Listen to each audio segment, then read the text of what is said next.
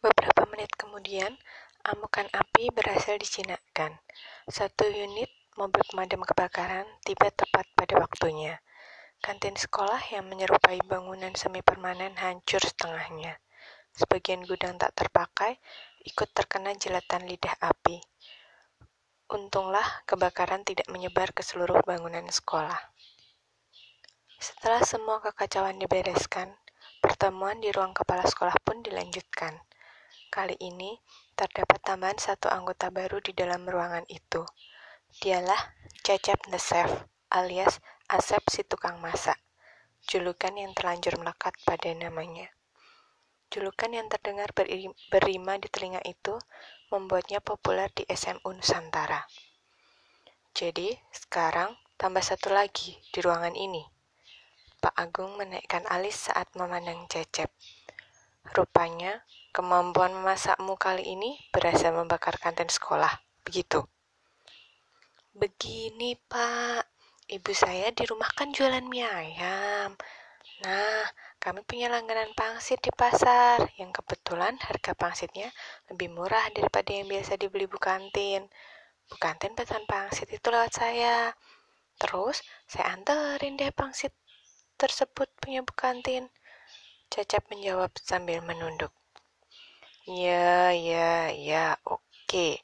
Tolong to the point ya. Saya cuma ingin tahu kenapa kantin kita bisa terbakar. Tolong fokus, Cecep. Iya, fokus dong, Cecep. Bu Media mempertegas kata-kata Pak Agung. Biasakan menyebut orang dengan namanya. Siapa coba nama ibu penjaga kantin? Dari tadi kamu bilang bu kantin, bu kantin melulu. Kamu tahu kan, orang pasti senang dan merasa dihargai jika kita tahu namanya. Iya, Bu. Maaf, maksud saya namanya Bu Tati. Cecep mengalah. Bu Tati itu akhirnya ingin berlangganan pangsit ke supplier pangsit saya juga. Dia nitipin duit ke saya supaya besok bisa dibeliin pangsit yang enak itu sama ibu saya. Nah, ibu saya menerapkan prinsip kemitraan kepada sesama penjual mie ayam. Menurut beliau, menjalin relasi itu penting. Oleh karena itu, uh, Tommy menguap lebar-lebar. Suara keras yang keluar dari mulutnya memaksa Cecep menggantung kalimatnya di udara. Bimo, Bayu, dan Adrian menahan tawa melihat ulahnya. Bu Media langsung menutup hidung, mengantisipasi adanya bau naga yang berasal dari mulut Tommy. Matanya melototi cowok itu, yang dibalas Tommy dengan senyum cengir kudanya. Maaf bu, saya habis latihan band semalam, jadi agak ngantuk dengan kuliah entrepreneurship di siang bolong sepoi-sepoi gini. Pak Agung berdeham, tak sabar.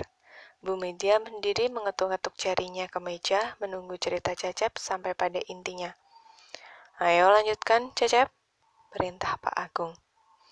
Lanjut ya, Pak. Hmm, lalu, Bu Tati minta tolong ke saya untuk nungguin gorengan pangsitnya di kompor. Sementara beliau pergi ke toilet. Dia kadang memang meminta saya jadi asistennya di dapur kantin, Pak. Cecep tersipu-sipu bangga ketika sampai di kalimat terakhir yang diucapkannya. Mendengar hal itu, spontan Adrian memutar-mutar bola matanya, sedangkan Bayu menaikkan alis sambil ternyata lemas, dan Tommy tersenyum mengejek. Nah, waktu lagi nungguin gorengan, lewatlah Betina, penjaga perpustakaan. Beliau menjatuhkan buku-buku yang sedang beliau bawa. Refleks saya lari deketin Betina dan bantu beliau mengumpulin buku-bukunya yang tercecer di koridor. Sialnya, buku-buku itu buku-buku resep keren yang masih baru. Kebetulan, ada resep mie hijau yang terbuat dari sayuran. Saya ingin pinjam saat itu juga, karena pastinya ibu saya di rumah tertarik melakukan diversifikasi produk. Kali ini, Adrian yang menguap sambil meregangkan tubuhnya, hingga kakinya tak sengaja menjenggol meja di depannya yang bergeser dan menimbulkan suara gaduh. Duh, maaf, maaf, maaf. Badan saya pegel-pegel habis latihan fitness semalam. Adrian cepat-cepat menjelaskan dengan muka merah padam. Baik, saya lanjutkan. Sampai mana tadi ya? Dengan ekspresi polos, Cecep kembali ke topik pembicaraannya. Oh iya, diversifikasi produk. Butina lalu bilang, bahwa buku-buku itu untuk Bu Farah, penanggung jawab ekskul tata buka. Kalau saya mau pinjam, harus menghubungi Bu Farah langsung. Saya bilang, saya cuma ingin pinjam satu hari aja untuk di kopi. Karena Bu Nah, tetap nggak ngizinin, saya terus aja bujuk beliau. Tolong Cecep, to the point. Kamu baru saja membakar kantin. Bu Media meninggikan suaranya. Pak Agung tercengang, sedangkan Bimo dan Bayu hanya bisa melongo. Adrian yang sedang meregangkan tubuh nyaris tercengkang, dan Tommy yang setengah mengantuk hampir terlompat dari kursi mendengar reaksi Bu Media. Muka Caca pun merah padam dibuatnya. Maaf Bu, semuanya, maaf juga ya. Iya, saya baru saja membakar kantin. Untuk itu, saya siap kok menerima sanksi dari sekolah. Cecep menyahut lirih. Tapi cerita saya belum selesai. Saat saya lagi membujuk betina untuk minjemin buku resep, mulai dia terjadi keributan. Ternyata kompor yang sedang menyala tadi terlalu panas, sehingga menyulut api yang makin besar dan membakar penggorengan. Lalu meledaklah kompor minyak tanah itu. Mendadak, Cecep merasa tubuhnya lemas dan sedikit gemetar saat mengingat peristiwa tadi. Syok mulai melanda dirinya. Dia menggapai pegangan kursi di dekatnya sambil memegangi kening yang berdenyut-denyut. Kelakuan kalian berlima membuat saya merasa gagal sebagai kepala sekolah. Kalian tahu, orang tua kalian semua memberikan kepercayaan kepada saya di sekolah ini. Itu artinya saya mendapatkan amanah dari orang tua kalian untuk menggantikan peran mereka selama kalian berada di sini, mendidik dan memberi contoh yang baik kepada kalian. Tapi apa hasilnya? Kalian semua mengecewakan. Saya malu. Malu karena tidak bisa menjalankan amanah itu dengan baik. Pak Agung meraih sapu tangan di saku bajunya, lalu mulai mengelap keringat di keningnya. Sepasang mata Bu Media berkaca-kaca mendengar ucapan Pak Agung. Tangannya meraih tisu di atas meja. Melihat hal itu, Tommy refleks menyikut Adrian. Adrian meledang Bimo, Bimo mengaduh, lalu menonjok Bayu. Bayu mengelus-elus pundaknya sambil menginjak kaki Cecep. Dan Cecep hanya bisa meringis.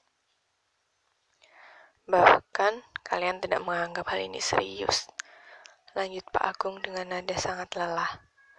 Mau jadi apa kalian saat dewasa nanti jika merasa enteng-enteng saja setelah melakukan pelanggaran? Saya tidak mau menambah jumlah koruptor di negeri ini yang mementingkan diri sendiri. Tak merasa bersalah karena mengambil uang rakyat, tak punya keadilan terhadap sesama, serakah, dan cepat berpuas diri terhadap kelebihan diri sendiri tanpa ada rasa tanggung jawab. Saya tak mau kalian jadi orang semacam itu saat dewasa nanti. Kalian paham? Seperti terhipnotis, kelima remaja yang dihukum itu pun mengangguk cepat-cepat. Untuk itu, kalian akan menerima sanksi dari saya. Saya sudah membicarakan hal ini dengan Dewan Penasehat Sekolah, juga dengan Bu Media, terkait sanksi untuk kalian. Bimo, Bayu, Adrian, Cecep dan Tommy pun menelan ludah. Saya tidak tahu, saya tidak mau tahu bagaimana caranya kalian berlima harus mewakili sekolah pada puncak acara Sumpah Pemuda SMU sejabodetabek nanti. Setidaknya, kalian harus mendapatkan nominasi juara dalam lomba nanti. Tema lomba kali ini Festival Buah Nusantara. Konsepnya bazar. Satu stand mewakili satu buah tertentu sekaligus tema yang dipilih. Satu kelompok yang mewakili sekolah minimal terdiri dari empat orang. Kalian jumlahnya lima orang, yang artinya sekolah kita sudah memenuhi syarat pertama sesuai ketentuan. Sekarang sudah hari Jumat. Saya minta paling lambat Jumat depan kalian harus sudah menentukan dan memilih satu nama buah sebagai tema kelompok kalian. Lebih cepat lebih baik. Teknisnya silahkan berunding dengan Bu Media sebagai pendamping kalian saat lomba nanti. Satu pesan saya, jangan kecewakan sekolah ini, paham? Kelima remaja di kursi pesakitan langsung mengangguk cepat-cepat. Bu Media yang terus memperhatikan gerak-gerik kelima remaja itu tersenyum puas melihatnya. Baiklah, saya rasa cukup. Setidaknya, selama satu bulan ke depan, kalian akan sibuk mempersiapkan lomba. Ingat, reputasi sekolah ini bergantung pada performa kalian nanti. Saya yakin bahwa dalam setiap kelemahan seseorang tersimpan lebih banyak kelebihan. Tugas kalianlah mengeksplorasi itu.